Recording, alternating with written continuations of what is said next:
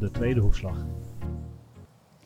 Leuk dat je kijkt of luistert naar weer een nieuwe aflevering van de podcastserie De Tweede Hoeslag. En vandaag zijn we te gast bij Sanne Voets. Sanne, leuk dat we hier mogen zijn. Hoe is het met je? Nou, superleuk uh, dat je er bent. Uh, hartstikke leuk ook om dit te mogen doen. Uh, ja, gaat eigenlijk hartstikke goed. Ja, ben je druk met van alles en nog wat? Ja, er komt weer een nieuw seizoen aan en daar hebben we zeker weer zin in. Dus daar moet weer een hoop voor voorbereid worden. En daar ja, willen we dadelijk wel weer helemaal klaar voor zijn. Ja, ja, nice. Ik uh, kijk hier om me heen. We zitten hier bij jou in de tuin. En uh, de paarden lekker aan huis. Ja, het is helemaal herfst hier ook. Het is, uh, je ziet het hier aan de rand van het bos ook heel mooi als, het, als de seizoenen veranderen. En ja, herfst is toch wel een beetje mijn favoriete jaargetijden. Oh ja, dat hoor je niet vaak. Nou, ik ben niet zo'n enorme liefhebber van de hete zomers. Zoals we die ja, de laatste tijd natuurlijk wel vaker merken. En in de winter met alle onhandigheid, met kou en sneeuw en zo met paarden. Nou, is ook niet helemaal mijn ding. Nee, je geeft mij maar uh, herfst met al zijn mooie kleuren. En ja, dat, uh, dat uh, past mij het beste. Ja. Zoals we de podcast vaker beginnen, is, um, weet jij nog jouw eerste ontmoeting met een paard? ja, Vertel. Denk ik. Tenminste, dat, dat is wat ik me herinner, want dat weet je natuurlijk nooit precies. Maar um, toen ik klein was, toen gingen mijn ouders altijd met mij en mijn broer en met vrienden van ons naar het land van ooit was toen het pretpark in, uh, in Drunen. En daar had je allerlei shows met ridders op paarden. En het was een beetje een middeleeuwse themapark eigenlijk. En ja, de, de riddershows, iedereen vond de ridders allemaal heel spannend. En ik zat eigenlijk alleen maar naar die paarden te kijken. En je had daar Kos met de Snor. Die had een speciale stal, een ronde stal ergens op een, een, een, centrale plek in het dorp. Of in het, in het park ergens, in het uh, dorpgedeelte. En daar mocht je, kost met de snor, mocht je daar aaien en worteltjes geven. En ja, dat was natuurlijk een, dat was een enorm paard. Het was een Shire, die was gigantisch. En als een klein meisje van vier. Dat had heel veel indruk gemaakt, ja. Oh, wow. En toen dacht je van, dit wil ik? Hier wil ik mee verder met paarden? Of, of... Nou, ik weet niet of ik al zoveel dacht toen ik vier was. Maar ik vond dat wel. Dat heeft wel, wel uh, een onuitwisbare indruk gemaakt. En dat sindsdien denk ik wel uh, uh, een paarden uh, nou ja, een fascinatie opgebouwd voor paarden en ponies en gewoon al wat daarop lijkt. Ik ken het trouwens nog wel, een land van ooit. Dat is echt uh, superleuk. Ja, fantastisch. Mijn ouders hadden, hadden vrienden die daar in de buurt woonden. En we hadden een abonnement. Volgens mij is dat in 89 geopend. En ik ben van 86. Um, dus ja, wij, wij hadden daar een abonnement. En daar gingen we dan eigenlijk elke vakantie en vaak in het weekend ook nog wel een keer naartoe. En ja, dat, dat was echt een, een, bijna een andere wereld waar je dan binnenstapte. Al op de parkeerplaats, voordat je het, uh, het park mocht betreden, moest je dan een speciale groet doen. Dus drie keer rond je hoofd zwaaien of zo in een buiging. En ja, dat was gewoon ja, één groot uh, theaterpark eigenlijk. Dat, uh, ja, we hebben echt een hele leuke tijd gehad. Nostalgie, nostalgie. Absoluut, ja. ja. En hoe is dat verder gerold? Hoe is dat balletje gaan rollen met de paarden? Um, ja, heel lang blijven zeuren eigenlijk. Tot ik alsjeblieft een keertje op de manege mocht gaan paardrijden. En uh, toen ik, uh, ik denk een jaar of negen was, was het dan eindelijk zover. Gewoon in zo'n rijschool in het dorp. Waar ze gewoon een paar ponies achter elkaar aan lieten hobbelen. En dan mocht ik dan ook een keertje een half uurtje gaan lessen op zaterdagmorgen. Was dat hier? Nee, dat was in, uh, in de Kruisstraat. Mm. We woonden toen nog in, in Rosmalen. En daar ja, in de buurt had je zo'n ja, zo'n dorpsmanege eigenlijk. Dus ik ging daar met mijn legging van de zeeman en mijn rubber rijlaarsjes, rubber uh, regenlaarsjes uh, naartoe. Ja, apen trots natuurlijk. En eigenlijk meer in de stal uh, ponies poetsen dan dat je er daadwerkelijk op zat. Maar ja, dat is fantastisch. En is een beetje uit de hand gelopen, hè, die hobby? ja, weet je wel. Ik denk ook dat mijn ouders heel lang gedacht hebben, dit gaat nog wel een keer voorbij. Oh ja? Ja, maar ja, dan ja, ben je zomaar ineens 36 en dan zit je er nog. Vliegen ze de wereld met je rond? Ja, inderdaad, ja. Ja. wel heel mooi natuurlijk dat je, je hebt natuurlijk wel heel veel. Dat is wel de basis geweest uiteindelijk voor wat je bent gaan doen. Maar de, de, uh, het fundament is toch die fascinatie en die liefde voor het dier. En uiteindelijk dat je daar dan je werk van kunt maken, is natuurlijk fantastisch. Ja, ja absoluut. Want um, ja, we zeiden het een beetje met een knipoog uit de hand gelopen. Maar het is natuurlijk alleen maar positief. Want wat heb je allemaal wel niet gewonnen? Wat ik niet gewonnen heb? ja. Nou ja, natuurlijk uh, Tokio. Uh, fantastisch. Ja. Uh, je hebt Rio meegemaakt. Uh, wereldkampioenschappen, Europese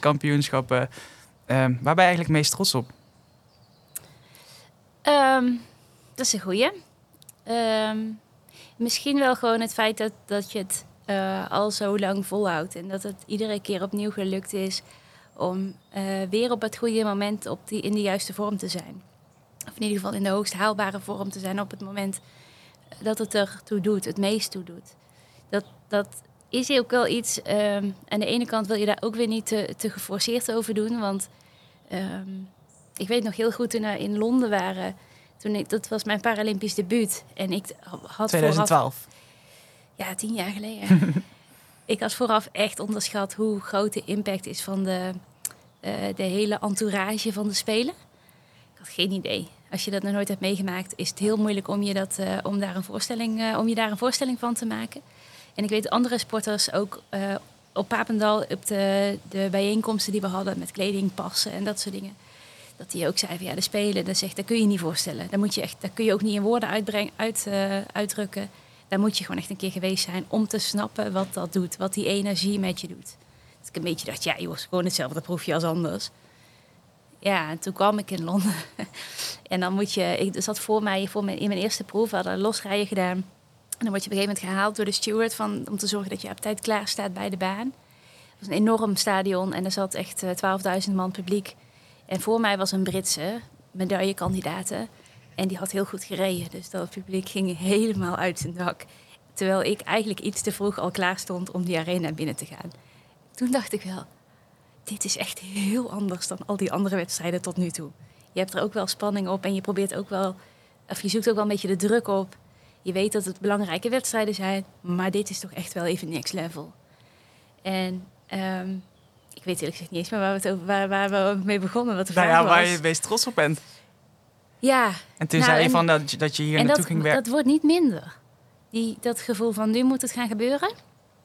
Dat, ehm, dat verandert wel een beetje. Want het is, ieder seizoen is weer een ander seizoen. Je staat er ook weer op. Je hebt weer andere dingen meegemaakt. Je staat daar weer op een andere manier. Maar ehm, tegelijk eh, is, het, is het wel weer vergelijkbaar. Want het is wel. ik denk dat het. Dat weinig mensen snappen hoe, hoe moeilijk het kan zijn als het iedere keer opnieuw van je verwacht wordt. Ja. Komen we zo meteen nog wel op over die, eh, die druk. je zei het al, van eh Paralympische Spelen. Ehm, misschien moet je dat toch even uitleggen. Want mensen vinden dat soms lastig. Hè? Eh, die pa- paradressuur, hoe zit dat nou? Want er zijn verschillende grades. Ja, Zijn dat? Kun je eens uitleggen hoe dat zit? Ehm, ja er zijn vijf verschillende handicapklasses eigenlijk. Die noemen ze grades. Ehm, waarbij je eigenlijk nou, bij een. Eh, ehm, ehm, eh, op het moment dat je bij paradressuur, als je denkt dat je daarvoor in aanmerking komt of je, je wil dat laten, laten testen, dan eh, word je uitgenodigd voor een medische keuring. Word je eigenlijk op de bank, zoals ze dat nou noemen, worden op, gewoon op een onderzoeksbank, word je, worden gewoon je lichaamsfuncties worden gecheckt. Dus niet hoe, je, hoe snel je hart gaat, maar hoeveel kracht heb je in je benen, hoeveel beweging is er mogelijk in je, in je gewrichten, in je armen. En dan gaan ze echt van je tenen tot aan je nek. En daar is een speciaal protocol voor. Dus op elk testje wat ze doen, krijg je een bepaalde uitslag. Ehm, en alles bij elkaar eh, nou, kom je tot een som van eh, scores. En dat bepaalt in welke van die vijf klasses je terechtkomt. Mhm. Als je daarin terechtkomt natuurlijk. Als je overal 100% op scoort, dan nou ja, ben je, eh, val je niet in een van die vijf grades. Ehm, dan word je vervolgens ook nog ja, geobserveerd eigenlijk tijdens het rijden. Dus dat is een beetje de, de tweede fase van de klassificatie. Wie doen dat?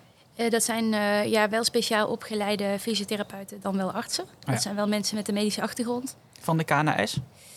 Ehm, ik moet heel eerlijk zeggen dat ik het nationaal niet heel goed weet hoe dat precies Hm. is. eh, Maakt er niet zoveel uit. eh, maar- maar het zijn in ieder geval mensen die, die wel ook affiniteit met de paardensport hebben. Omdat je natuurlijk per sport een, een eigen klassificatieprotocol hebt.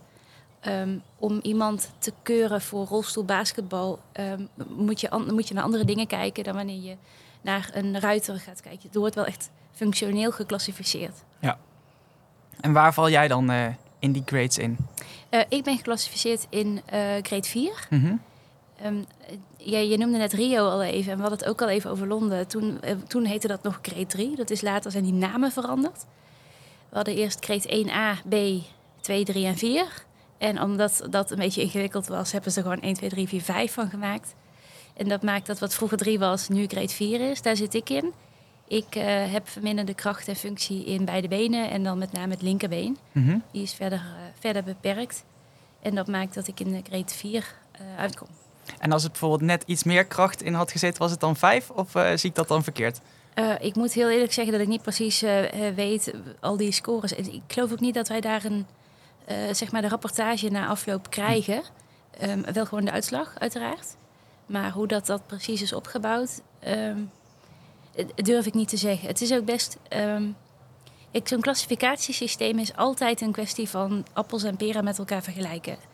En aan de ene kant wil je zoveel mogelijk recht doen aan iedere handicap die er is. Wil je zoveel mogelijk verschillende klasses maken. Want er zijn inderdaad altijd mensen die bovenin een klasse uitkomen en mensen die onderin een klasse zitten. Sorry, eh, onderin zitten. En dat maakt dan dat je uh, dat er best wel verschil kan zijn binnen een grade. Je wil dat zo eerlijk mogelijk houden, maar tegelijk wil je niet honderd verschillende grades maken. Want Nee. dan heb je, nou ja, dadelijk honderd gouden medailles. Dat, dat, wil Ja. je ook, dat maakt het ook niet spannend. En dan denk ik dat we met die vijf grades die we nu hebben, met, eh, als je dan op de Spelen kijkt, meestal rond tussen de 15 en 25 deelnemers per grade. Ik denk dat dat wel een vrij mooi aantal is, ook om te zorgen dat het in alle grades spannend is eh, wie er medailles gaan winnen. Dus de, de grade-verdeling die is op dit moment volgens jou prima. Dat is goed. Ja, ik denk het wel. Ik moet zeggen dat ik niet, ook niet precies weet hoe dat, dat, eh, hoe dat het systeem van klassificeren werkt. En of dat. Volgens mij is er wel een speciale werkgroep bij de FII die daar continu eh, voor ontwikkeling zorgt. Continu aan het kijken is of dat het beter kan en dat dan ook probeert te imple- implementeren. Maar je vraagt me niet naar de details daarvan, want dat, dat durf ik niet te zeggen. Nee, we gaan het ook niet te lang erover hebben, want dat is best wel ingewikkeld inderdaad. Ja, dat is het. Wat ik nog wel eh, benieuwd naar ben, is wordt dat dan ook vaker getest? Of is dat gewoon één keer en dan staat dat gewoon eigenlijk voor de rest van je leven? Ehm, dat is afhankelijk van je, eh, van je aandoening. Als je, eh, kijk, als je een been mist, dan hoef je niet eh, Ja. een paar keer op. Ja, nee, maar om het heel, heel simpel te maken. Ja. Dat, gaat, dat, dat been gaat niet opnieuw aan, aangroeien. Je hebt altijd twee, twee klassificaties. Eén keer nationaal en één keer internationaal. Internationaal is het ook met een panel van minimaal twee mensen. Ehm, eh, waarvan, even, uit mijn hoofd hoor. Ehm, minimaal eentje is vanuit het land, wij, eh, vanuit een ander land. Mhm. En eh, stel dat ik geclassificeerd zou worden door een Nederlandse classifier en nog iemand anders, dan eh, moet die Nederlander die moet even een stapje terug doen op het moment dat ik gekeurd ga worden. Oh ja. Dus dat is wel om te voorkomen dat er, eh, nou ja, dat daar gedoe over kan komen. Snap ik. Ehm, Nederland is heel goed in de paradressuur. Eh ja, heel goed. Zelfs zo van, er zit hier een oranje dingetje op mijn microfoon. En dat jij zei van, hé, hey, waarom mag jij die oranje niet ik? jij bent ook best wel, ja, eh, nationalistisch daarin volgens mij dan. Eh, in positieve zin Oranje is natuurlijk. een hele mooie kleur. Ja. Hoe, kun, je, hoe, kun je eens uitleggen, hoe komt dat, dat Nederland hier zo goed in is? Paradressuur. Ehm, ja, nou, dat heeft denk ik te maken met een aantal dingen. We hebben eh, sowieso zijn de voorwaarden die, die we hebben in Nederland, daar is, hebben, ja, zijn we gewoon echt heel, heel, hoe zeg dat, heel lucky mee. Daar hebben we veel geluk mee. Ehm, we hebben vanuit NOC-NSF natuurlijk een, eh, een team NL wat ondersteund wordt. Of je nou Olympia bent of Paralympië, dat is eh, ehm, eh, voor iedereen eigenlijk hetzelfde. En dan heb je het over ehm, nou ja, allerlei voorzieningen waar je gebruik van kan maken als topsporter. Waardoor het ook zorgt. Kijk, in, in heel veel landen kun je als Paralympiër kun je niet je brood verdienen. En al helemaal niet in de paarden, want dat is ook gewoon nog heel duur. In Nederland kan dat wel. Het is een beetje schrapen hier en daar, maar het, het, dat maakt al wel dat je niet een 40-urige werkweek hoeft te hebben naast je hobby paardensport. En ehm, dat, is denk ik al een heel belangrijke voorwaarde om daar succesvol in te kunnen zijn. Gewoon het feit dat je daar als ruiter veel tijd in kunt stoppen. Ehm, en daarnaast heb je natuurlijk ook nog een infrastructuur binnen de KNS, waarin je eh, trainingen en eh, nou ja, van die talentendagen zijn, dat je kunt trainingen volgen. We hebben een voltijd bondscoach, we hebben een eh, training of een begeleidingsstaf waar we op terug kunnen vallen. Ja, dat, dat zijn wel belangrijke dingen. En we hebben natuurlijk als Nederland ook een geschiedenis in de paardensport. We weten wat goede trainers zijn, we hebben goede trainers, we hebben goede paarden. Ja, dan veel, veel stallen ook. Nederland is ook wel echt een, een paardenland, heb ik het idee. We hebben heel veel maneges, pensionstallen. Je kunt overal wel eens een beetje terecht. En ik denk, ja, als je dat allemaal bij elkaar optelt, dan eh, heb je wel een heleboel, voldoe je wel aan een heleboel voorwaarden om met een vrij grote groep succesvol te zijn. Ja, eh, het is natuurlijk ook een gevaar dat je denkt van nou, het gaat zo goed, uh, we hoeven niet uh, vooruit te kijken. Zijn er nog dingen... van de remmende voorsprong. Ja. ja. Zijn er nog dingen waarvan je denkt van oké, dat moeten we misschien nog veranderen om het goed te blijven houden? Um, of niet, niet, per se veranderen, maar er sowieso inhouden of focus op houden? Nou, poeh, dat is een goeie. Het is soms lastig. Je hoort wel eens van ruiters die net beginnen met wedstrijdrijden in de parasport die zeggen van ja, goh, als ik dan op wedstrijd wil, dan moet ik meteen gaan rijden tegen nou, degene die ook op de Paralympische Spelen medailles winnen. Dus dat kan uh, mentaal, maar ook, ja, ook praktisch gewoon best een drempel zijn. Um, dus je ziet dat daar wel over nagedacht wordt. Dat er een soort van introductieproeven worden uitgeschreven op andere wedstrijden. Of op diverse wedstrijden, ook op gewone para-wedstrijden. Dat mensen op een iets lager niveau kunnen instappen en te kunnen, gewoon een beetje sfeer te kunnen gaan proeven mee gaan doen. Want dat, uiteindelijk is dat natuurlijk super belangrijk. Gewoon dat je een keer mee gaat doen. En dan, uh, ik, ik, denk dat dat een belangrijke ontwikkeling is. Om mensen over de streep te krijgen en uh, ja, langzaamaan binnenboord te trekken. Nou ja, dat ook weer niet. Maar je wilt natuurlijk uiteindelijk een zo groot mogelijke groep bedienen. Ja. Dat gaat, er zijn echt hartstikke veel para-ruiters. En niet iedereen hoeft wedstrijden te rijden natuurlijk. Als je, dat, als je daar geen zin in hebt, daar geen ambities in hebt maar weet dat het kan. En dat, je ook echt, uh, dat er ook echt wel uh, ja, instroomniveaus zijn. In deze podcast uh, nemen we natuurlijk stelling. Vandaar dat hij ook de tweede hoefslag heet. Um, dus er zitten wat stellingen in. Ik had je gewaarschuwd dat ze misschien een beetje prikkelend kunnen zijn. Um, maar ja, je kunt links gaan, rechts of soms rechtdoor. Um, de stelling is daarom ook... als je ook re regulier lichte tour kunt rijden... hoor je niet bij de para's thuis. Um, nou, ik denk dat je daarmee impliceert dat je een gezond lichaam nodig hebt om lichte toer te rijden. En uh, dat betekent dus dat je bepaalde kracht nodig hebt. En bepaalde, uh, bepaalde lichaamsfuncties nodig hebt om, uh, om te rijden. Want eigenlijk zeg je, als, het, als je zegt het kan niet allebei, um, dan zeg je dus van nou, als jouw lichaam een defect heeft, als je een beperking hebt, ja, dan kun je eigenlijk niet goed paard rijden. En ik denk dat als je op een gemiddelde, een beetje op een niveau para-wedstrijd komt kijken, dat je gaat zien dat dat echt wel het geval is. Je kunt het ook omdraaien. Dat je zegt van, um, als je zo goed kunt rijden dat je ook lichte tour kunt rijden, dan ben je eigenlijk te goed voor de para's. Ja, wat snap je dat, snap ja, je dat, ik, dat mensen zo denken? Ik snap het wel. En het komt ook voort, denk ik, vanuit een extreme behoefte om mensen in hokjes op te delen. Jij bent gehandicapt, dus jij moet in het gehandicapte hokje blijven. Mm -hmm. um, ja, ik denk altijd een beetje als mensen een, een beetje uitdaging zoeken, laat ze. Leven en laten leven. En wat ons volgens mij vooral allemaal bindt, is de passie voor het paard en voor de paardensport. Laten we ons daarop focussen en niet op wat de verschillen tussen mensen zijn. Of iemand zijn been nou wel of niet wat sterker is, of iemand een paar vingers mist of niet. Weet je, als die daarmee lekker kan paardrijden.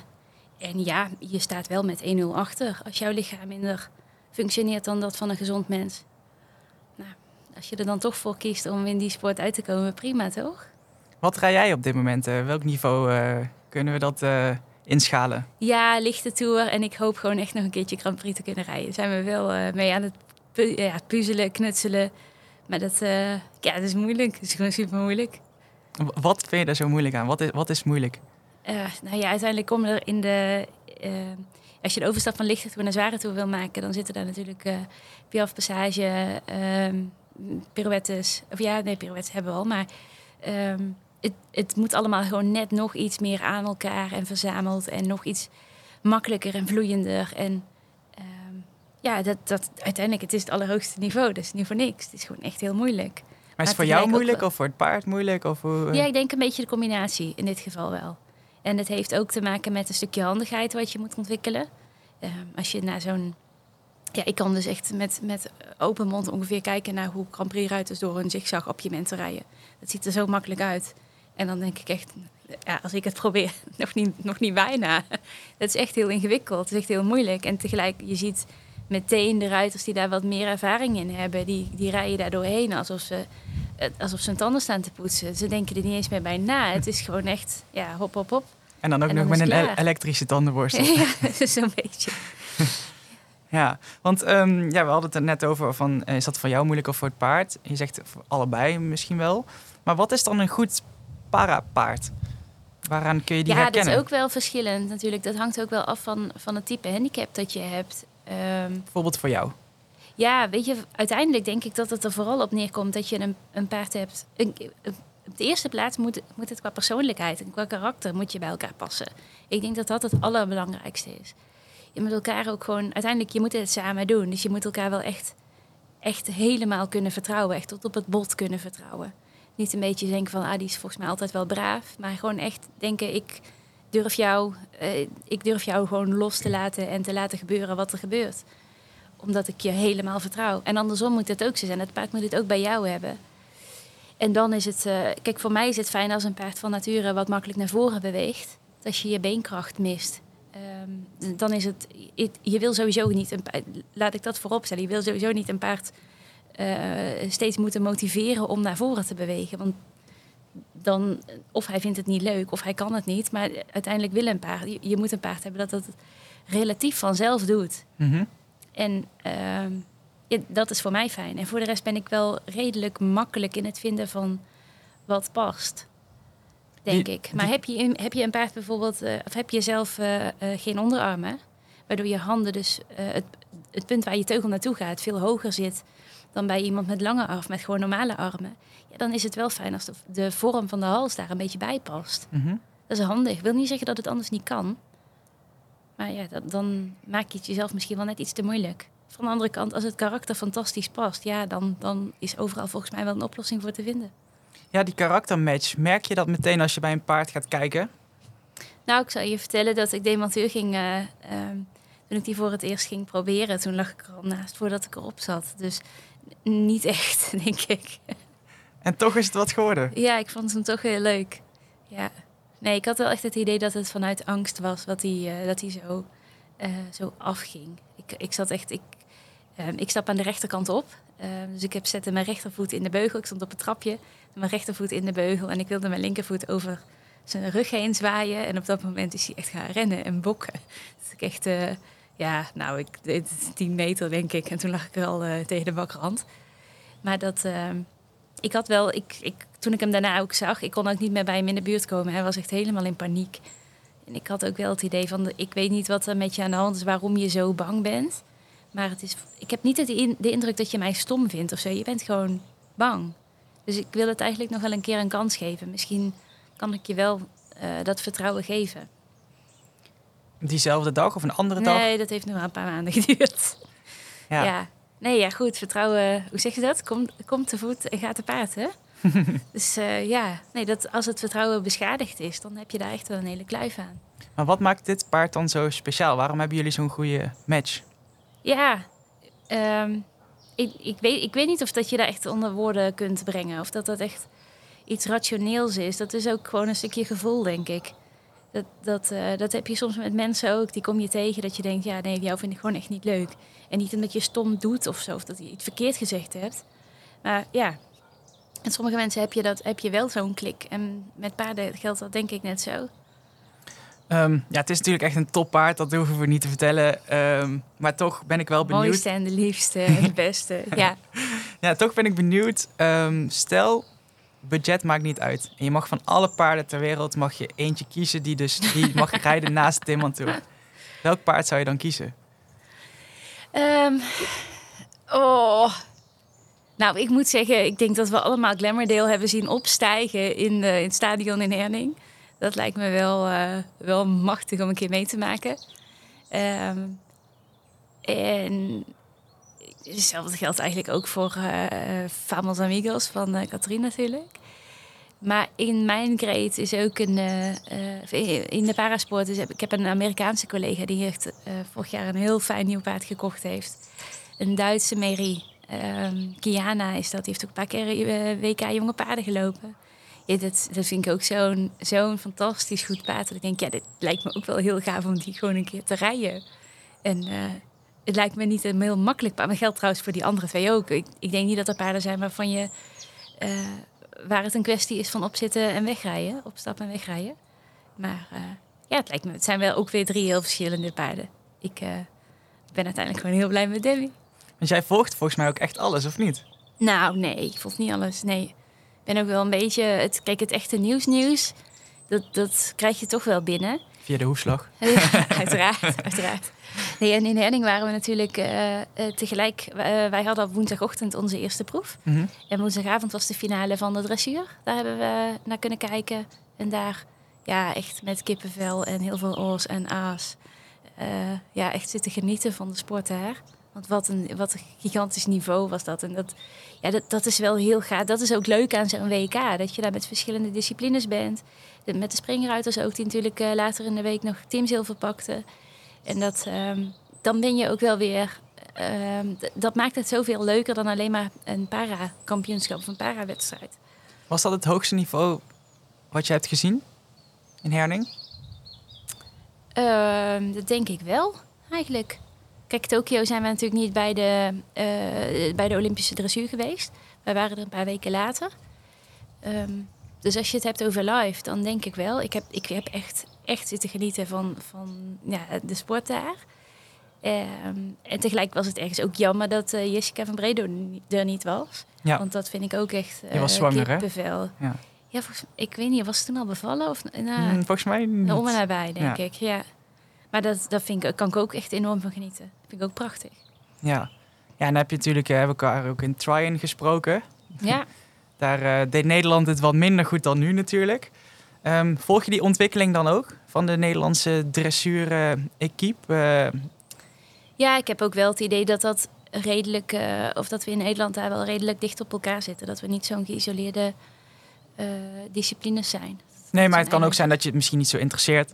Oh, nou ja, zeker nu had je natuurlijk uh, uh, met je trainer in het team. Dat is wel heel, uh, heel tof om daar ook samen naartoe te gaan. Mm -hmm. Vertel. Ja, nee, goed. Dan, nee, maar dan maak je, ehm, dan, dan let je er misschien een beetje meer op. Maar tegelijk, um, ja, weet je, je bent liefhebber van de, van de dressuursport, met name. Springen vind ik ook wel, wel tof, maar ik heb echt geen idee waar ik naar zit te kijken. Ja, ik, ik kan zien of een balk valt, maar of een paard echt... Ja, ik heb te weinig verstand van de sport om, dat, om daar echt van, ja, enorm van te genieten, denk ik. Um, en de dressuursport ligt dichter bij wat je zelf doet. En dus ook bij je eigen interesse. En dat maakt wel dat je denkt van nou, hoe, hoe doen zij dat dan? En hoe, hoe ziet dat eruit? En hoe beweegt zo'n paard dan? En wat gebeurt er nou onderweg? En oh verrek, ik zie dit of dit gebeuren. Je probeert er ook van te leren. Vertel even wie je trainer is. Oh, uh, Marieke van de Putten van de RST Dressage. Ja. Zeker, zeker. Hoe deed ze het? Ja, ze heeft gewoon onwijs pech gehad in, uh, in Herning eigenlijk dubbel pech. Want ze had echt, de paard had heel veel spanning toen hij binnenkwam in het stadion. En ze heeft daar gewoon nog een hele knappe proef uit kunnen rijden. Maar gewoon echt niet naar. Uh, ze kunnen echt nog wel heel veel beter dan dit. En uh, dat maakte dat ze 31ste werden in de Grand Prix. Dan mochten er 30 door naar de Grand Prix Special. Er viel er eentje uit, ja. maar uh, door gedoe met regels liet de FIA niet starten in de Special. Ja, dat is natuurlijk heel zuur. En dat, dat is, dan is de sport ook even de verliezer. Dat, ja. Ja, dat was gewoon even heel erg balen. Ik uh, heb nogal wat wedstrijden ook verslagen waar jij eh, reed. En dan wist ik altijd, oh, Sander moet dan moet ik even opletten, want dan moet ik zo een interview doen. Want dan zal ze alweer een gouden, gouden medaille gaan winnen. Maar hoe ga jij daarmee om? Met dat mensen wel even verwachten dat jij goud gaat winnen? Ja, nou, het is misschien nog wel meer dat je het bijna van jezelf ook verwacht. Want dat de lat hoog ligt voor mensen om je heen, dat, dat is denk ik wel een soort van logisch. Of dat, dat, nou ja, dat, dat is iets wat buiten je is. Dus dat, nou, dat moeten zij weten. Ik, ik snap het wel waar dat vandaan komt. Maar de druk die je jezelf oplegt, is uiteindelijk, daar heb je wel het meest last van. Hoe merk je dat? Nou, als ik, uh, ik moet zeggen dat het dit jaar wel anders was, omdat mijn verwachtingen gewoon echt veel minder hoog waren. Maar in Tokio dan. Uh, ja, je bent iets van acht dagen voor je eerste wedstrijddag ben je al daar. En dan, de, de ochtend dat ik moet rijden, dan ben ik echt, dan, dan, wil je mij niet tegenkomen. Dan ben ik echt één wrak. Het zegt alleen maar, ik wil naar huis. Waarom doe ik dit? Ik vind het niet leuk. Oh ja? Ja, dat is echt, uh, ja, is niet zo fijn. Ben je dan chagrijnig? Achteraf of? denk ik dan ook weer het drama. Maar het is, uh, ja, het is wat het is. Maar ben je dan chagrijnig of hoe moet ik dat nee, voor me gewoon echt... Uh, echt alleen maar uh, huilen. En uh, oh ja? ja, je moet echt. Uh... en ik, ik, kan er op dat moment ook wel weer om lachen, omdat ik weet dat het er een beetje bij hoort. Maar is dat stress dan? Of? Ja, en ook wel een beetje de. eh, het is de omschakeling van het moment van alle controle willen hebben over alles. Want je bent in Tokio, daar ben je al die jaren naartoe aan het werken. We hebben dan in plaats van vier nu vijf jaar gehad om daar naartoe te werken. Die voorbereidingen echt tot in de puntjes. En dan kom je daar en dan moet je het loslaten. En dan moet je er vertrouwen op in hebben dat je gedaan hebt wat je kon en dat het genoeg zal zijn. En dat stukje ehm, van extreme controle naar helemaal loslaten, dat is echt, eh, ja, dat is een dingetje, dat is moeilijk. Vind ik moeilijk. Krijg je daar ook hulp bij? Ja, nou ja, goed, dat, dat, je weet ook dat je daar doorheen moet. En het, je, je hebt een aantal technieken die je daarvoor toe kunt passen. Maar uiteindelijk, ja, ik Vertel, probeer het. Ik probeer, nee, ja, goed, je kunt gewoon wat ademhalingstechnieken, Mhm. wat gedachtencontrole, gewoon de, een beetje de basisdingen die je in een introductiecursus van een sportpsycholoog leert. Nou Ja, en dat, zeg je eventjes, maar dat weten misschien heel veel mensen niet. Nee, maar goed, dat, dat, ik ben daar uiteindelijk, eh, ik ben volgens mij in 2000, ehm, oh, ik denk 2007, 2008 voor het eerst bij een eh, sportpsycholoog geweest. Ehm, nou, daar kun je dan gewoon een soort basistraject van tien trainingen volgen. En in elke training leer je wel weer wat. En dat heeft dan te maken met je focus, met, eh, met voelen, met eh, nou ja, focus, aandacht, ademhaling zeker ook. Ehm, en dat zijn gewoon een paar handvatten. Maar uiteindelijk, ehm, ja, weet je, je gedachten gaan toch wel met je aan de haal. Je, je hebt het, die handvatten die kun je zeker inzetten, die zijn zeker handig. Maar op dit soort momenten ehm, probeer ik het ook maar gewoon te laten zijn. Bedoel, Ja. Het maar gewoon te accepteren dat, je, dat dit bij mij hoort, blijkbaar. Maar zo'n hulp die je dan krijgt, is dat ook aan te raden voor de amateur Ja, zeker. Ruiter die bedoel, nu dat aan het luisteren ook. Absoluut, ja. die niet in Tokio hoeft te En presteren? ik denk ook dat het ehm, eh, niet alleen met sport te maken heeft. Dat het juist, ik bedoel, iedereen heeft spannende momenten in zijn leven. Als je een sollicitatiegesprek hebt of dat je, weet ik veel, voor je, je nieuwe schoonouders voor het eerst gaat ontmoeten, wat dan ook. Dat soort dingen zijn ook echt wel. ehm, en, en er zijn altijd, ja, er, er zijn altijd spannende momenten. En het hoeft niet eens trouwens alleen maar met spanning te maken hebben, maar gewoon dat je af en toe even leert om stil te staan en een stukje reflectie in te bouwen. Dat is volgens mij voor heel veel mensen wel gezond. Ik heb nog een stelling voor je. Nou, kom maar op. Winnen is belangrijk. Spannende momenten Ja, gesproken. ja, ja, ja, precies. Ademhalingsoefening. Ehm, winnen is belangrijker dan alles. Nee. Nee. Er is sowieso in onze sport één ding wat altijd belangrijker is. En dat is het welzijn van je paard. En daarnaast ook ehm, eh, winnen is natuurlijk ook iets wat... Ja, wat is winnen? Het is een eh, ook vrij rekbaar begrip. Bedoel je dan echt alleen medailles winnen? Ja, voor nu even wel. zo aankijk, ja, dan bedoel jij dat wel. Ja, goed, je kunt ook winnen op een ander gebied natuurlijk. Uiteindelijk wil je vooral, ehm, tenminste, ik probeer vooral beter te zijn dan wat ik dan, dan gisteren. Vandaag weer beter te zijn dan gisteren. En eh, winnen door het, het beste uit jezelf te halen. Dat is ook winnen. Mhm. Eh, het hangt er vanaf wat je doel is. Moet je als topsporter ook over lijken kunnen gaan? Eh, weet ik niet. Ik weet ook niet of, of wij topsporters zijn. Ehm, ik, ja, weet ik niet. Het hoeft ook niet allemaal in een hokje te passen, denk ik. Over lijken gaan moet je sowieso niet doen, denk ik. Want wat heeft dat voor nut? Daar wordt de wereld ook niet mooier van. Nou, ze zeggen natuurlijk wel eens dat topsporters soms een beetje in hun eigen wereld leven. Hè, om dat ene doel te kunnen bereiken. En dat bedoel ik niet negatief, eh, van in hun eigen wereld leven. Maar dat ze zichzelf een beetje afzonderen van, eh, ja, een beetje in een bubbel leven. Merk je dat bij jezelf ook? Nou, natuurlijk, op het moment dat je naar een eh, kampioenschap toe werkt, dan ga je wel je wereld een beetje kleiner maken.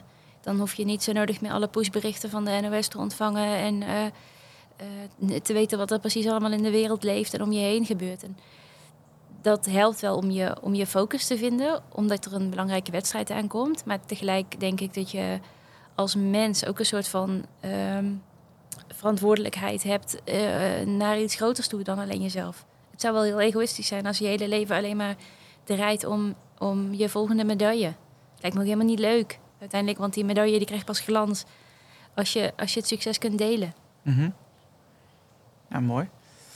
Andere stelling, die sluit er misschien wel een beetje op aan, is ehm, social media. Dat mogen ze van mij het liefst morgen afschaffen. Eh, nou, nee, dat denk ik niet. Dat gaat ook niet gebeuren. Ik bedoel, dat kan ik wel, zou ik wel kunnen zeggen, maar dat gaat sowieso niet gebeuren. En ehm, je ziet gewoon heel veel, heel veel gebeuren, ook in onze sport. En op het moment, eh, eigenlijk sinds dat Instagram met zijn reels kwam, geloof ik, is dat ook een beetje ontploft in onze, onze wereld. En wat ik er soms een beetje jammer aan vind, is dat we alleen nog maar laten zien wat. ehm, eh, dat de focus eigenlijk op het, op het, eh, het stukje ligt wat, waar het eigenlijk niet om zou moeten gaan. Dus dat je matchende bandages hebt bij je, bij je shirtje en bij je dekje. En dat het alleen nog maar om de glitter en de glamour gaat. En de super slow motion beelden die door professionele eh, fotografen, videografen worden opgenomen. Ja, daarvan denk ik dan, joh, kijk nou eventjes naar waar het echt om gaat. En dat is dat paard. Hoe, gaat het met dat paard? Hoe blij is hij? Wat straalt hij uit? Hoe beweegt hij? Eh, in plaats van weer door een, een of andere eh, met voorbenen over de oren in het nieuwste setje van het nieuwste, het hipste merk eh, rond te crossen. Ik, ik, het komt misschien ook voort uit jaloezie. Ik zou niet weten hoe je, hoe je het voor elkaar krijgt om drie keer in de week zo'n zo'n videoshoot te houden. En dan ook nog tussendoor te kunnen trainen. En nee, dat, eh, ik heb echt geen idee hoe, hoe mensen dat doen. Ja, en er is natuurlijk ook veel kritiek op social media. Ja. Hoe kijk je daarnaar? Vooral in de paardensport bedoel ik dan natuurlijk. Ja, nou goed, dat, is niet, dat beperkt zich niet tot social media, denk ik. Dat eh, eh, is wijder verbreid in de laatste paar jaren. Ik denk de laatste vijf, misschien wel tien jaar is dat wel, wel steeds is die roep om, ehm, om vernieuwing, dan wel volledige afschaffing van de paardensport, is groter geworden, is luider geworden, heeft ook een groter bereik gekregen, mede dankzij social media. Ehm, ja, eh, wat zal ik zeggen? Ehm, ik vind het jammer dat de discussie zich voornamelijk lijkt, eh, lijkt te beperken tot eh, ehm, paardenmensen die zeggen... mensen die kritisch zijn op paardensport hebben er geen verstand van. Wij zijn de experts, dus ze moeten hun mond houden. Of dus wij moeten gewoon meer laten zien hoe, hoe lief we voor onze paarden zijn. Ehm, de, de echte discussie wordt niet gevoerd. Er wordt nergens eigenlijk de vraag gesteld van... Goh, ehm, hoe komt dat nou dat mensen zo kritisch zijn? En hebben ze misschien een punt? Zijn er dingen die we beter kunnen doen? Hoe kijk jij daarnaar? Ik denk dat er wel dingen zijn die beter kunnen. Ik ben echt wel in de kern wel overtuigd dat we, dat het, we op een verantwoorde manier sport kunnen bedrijven met paarden. Dat, dat wil ik, ja, weet je, anders zou ik het zelf ook niet doen. Maar het zou wel fijn zijn als we meer handvatten zouden krijgen en beter met elkaar kunnen afspreken hoe we dat beter kunnen doen. Dat is ook iets wat je niet nu. Het is niet de vraag die je stelt waar je een antwoord op formuleert. Dat, dat is iets wat continu in ontwikkeling blijft. Want ook ons beeld van wat verantwoord is, verandert ook. Eh, er ging laatst een filmpje op eh, Facebook rond van een of andere Friese paardenkeuring. Waarbij een paard één been werd opgebonden en dan moest hij toch lopen op drie benen. En dan, ik geen idee wat daar de bedoeling van was. Maar dat vonden mensen toen prima en blijkbaar zinvol. Terwijl wij nu echt denken, ja, dat kan echt niet. Wat, wat, een, wat een idiote, wat een mishandel. Dit slaat helemaal nergens op. Het was een oud filmpje. Ja, was een oud filmpje. Ja. Sorry. Nee, nee, ja. Was een heel oud filmpje. Ik, ik heb geen idee hoe oud, maar eh, echt al zeker 50 jaar. Mhm. En tegelijk maakt dat ook weer dat je denkt... Hey, hoe wordt er over 50 jaar gekeken naar wat wij nu aan het doen zijn? En dan, dan is het jammer dat we het nu... ehm, dat het nu een beetje... De, de details worden er een beetje uitgepikt. Hè? De, eh, de, FI komt ineens met een voorstel over eh, sporen en uh, stangen trends... de verplichting eraf te halen. Er worden mensen weer enorm eh, boos en bang... en er wordt heel erg heftig op gereageerd. En er wordt daar weer op gereageerd. En uiteindelijk gaat het volgens mij... is het veel zinvoller om te kijken... hoe kunnen we een, beleid of een strategie uitzetten... hoe we dit nou in zijn algemeenheid gaan oppakken. En dan de, de kleine details daarop... eh, als we een soort raamwerk kunnen, kunnen neerzetten van waar, waar, wat vinden we nou belangrijk? Waar gaat het nou om? Ehm, en dat is wel iets waarom ik ook, ehm, als ik zelf een bruggetje mag maken, Tuurlijk. Ehm, de Sporters Welfare Foundation, die is een paar jaar geleden opgericht door een aantal ja, eh, houten methoden in de wetenschap. En dan heb je het over gedragsdeskundigen, eh, biomechanici, eh, dierenartsen, ehm, eh, fysiologen, nou, van alles. Allerlei hele slimme mensen die ook een hart voor de paardensport hebben. Maar wel vanuit een veel wetenschappelijkere en openere blik kijken naar wat er nu aan de hand is. En naar die discussie kijken. En ik ben daarbij betrokken eh, voor een stukje communicatie en de pers ook. Nou, sinds kort ook eigenlijk nog maar. Maar dat, ehm, dat, dat maakt wel dat ik denk, hey, jullie zijn wel heel tof werk aan het doen. Jullie zijn echt wel dat, dat, ehm, aan het kijken wat er vanuit de sport aan overeenkomst te vinden is. Wat vinden we nou echt belangrijk? Wat doet er toe als het gaat om paardenwelzijn in de sport? Ook specifiek in de sport, dus niet alleen de, nou ja, de, de Shetlander van de boer om de hoek. Nou, wat is nou echt belangrijk en hoe, gaan we, hoe belangrijk is dat dan? En hoe gaan we, dat daar, hoe gaan we daar een waarde aan hechten? En dat is wel een heel interessant proces om dat een beetje te kunnen volgen. Want maak je je zorgen over de toekomst van de paardensport? Ehm, ja, eigenlijk wel. Het is ook, het, ja, wat ik zeg, de discussie wordt ook eigenlijk op het, ehm, nog niet eens op het inhoudelijke vlak gevoerd. Ik heb een poosje terug een, uh, een blog, ik heb een website met een blog, een stukje geschreven over, uh, over bandages. We weten allemaal al heel lang dat bandages gewoon wel een schadelijk effect hebben op de gezondheid van het paard, dus op de benen van het paard.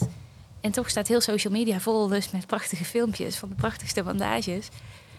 En daarvan denk ik ook, hoe, hoe komt het nou dat we dit blijven doen? En als je dat dan, als je daar dan een, een nog vrij. Ja, ik heb echt geprobeerd om daar een, een vrij neutraal stuk over te schrijven. Nou, niet neutraal, maar wel een. Ehm, Objectief misschien? Ja, niet, een niet oordelend stuk over te schrijven. Mhm. En als je dan ziet wat er reacties er binnenkomt, denk ik, wow, dit ging alleen nog maar over bandages, jongens. En paardenwelzijn is echt wel heel veel meer dan wel of niet met bandages rijden. En dat maakt wel dat ik denk, hoe komt het nou dat we zo moeilijk die discussie over dat gesprek aangaan?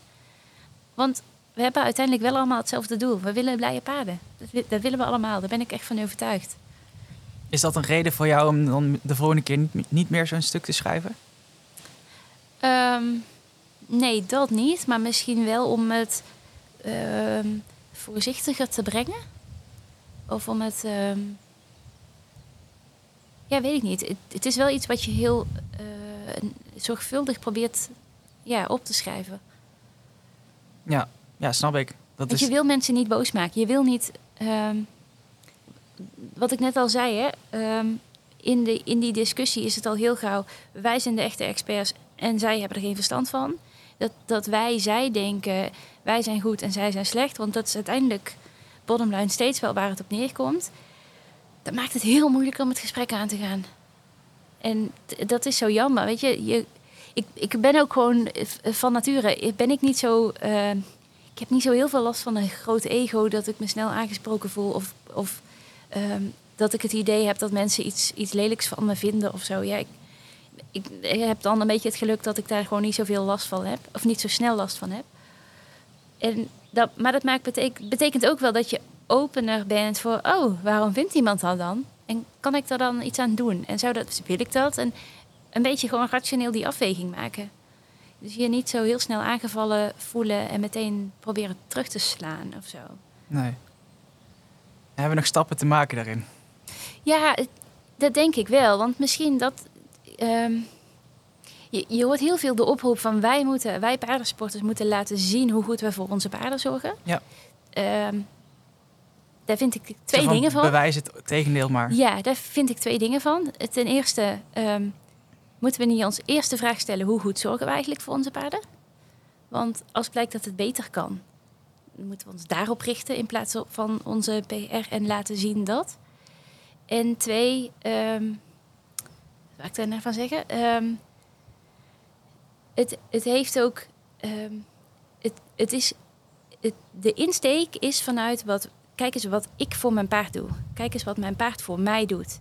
In plaats van. Wat vindt het paard hiervan? Hoe leuk is dit voor hem? Wat voor plezier beleeft hij hiervan, hieraan?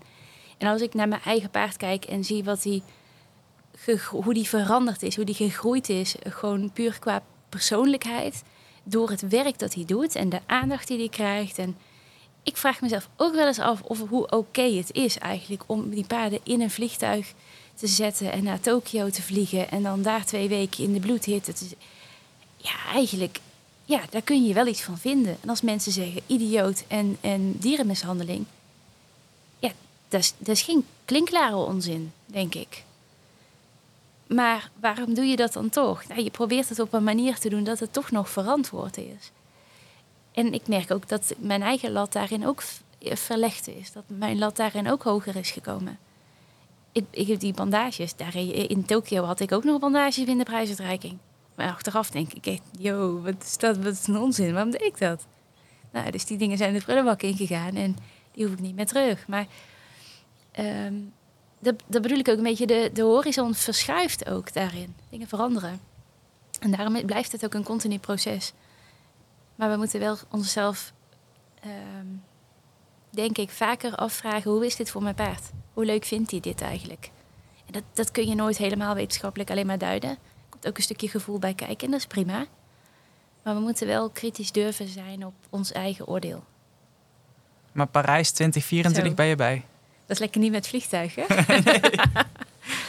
ja, zeker wel de bedoeling. Ik heb die Artist Impressions gezien. Die, eh, die rijbaan komt eigenlijk te liggen in het verlengde van de tuinen van het Paleis van Versailles. Ja, dat is echt Super. sprookje. Ja, schitterend. Ja. En zo dicht bij je huis dat je daar, eh, als het goed is, dadelijk weer ook eh, volop publiek bij kunt hebben. En je vrienden en familie. En alle lieve mensen in het team die ons gesteund hebben al die tijd al. Ehm, dus ja, nee, als we, als we de kans krijgen, dan gaan we daar eh, zeker voor. ja, heel nice. Hoe sta je ervoor? Ja, we doen ons best. We hebben nu even een beetje de, eh, de periode na herning hebben we het rustig aangedaan. Eh in, in, ja, op de eerste plaats natuurlijk om gewoon even rustig even naar een kampioenschap. werd iets verlengd door problemen met mijn zadel. Maar dat is opgelost. In ieder geval, daar, daar kunnen we mee, weer mee vooruit met een nieuw zadel. En ja, we zijn nu echt weer aan het opbouwen richting het nieuwe seizoen. Dus ik, eh, ja, nee, ik heb er heel veel zin in. Nog één ding wat ik toch nog eventjes wil be- behandelen. Ehm, was eigenlijk een stelling. Althans, ik, ik formuleer hem ook maar gewoon als stelling. Ehm, parasport krijgt te weinig aandacht van de KNS en de media. Ehm, jeetje, dat is een dubbele. Nou, ik denk eh, wat KNS betreft dat we wel behoorlijk zijn inge- eh, ingebakken in de KNS-structuur. Begonnen we het gesprek eigenlijk al mee, hè? dat dat eigenlijk best wel goed eh, volgens Ja. jou is. Ja, dat, denk ik wel.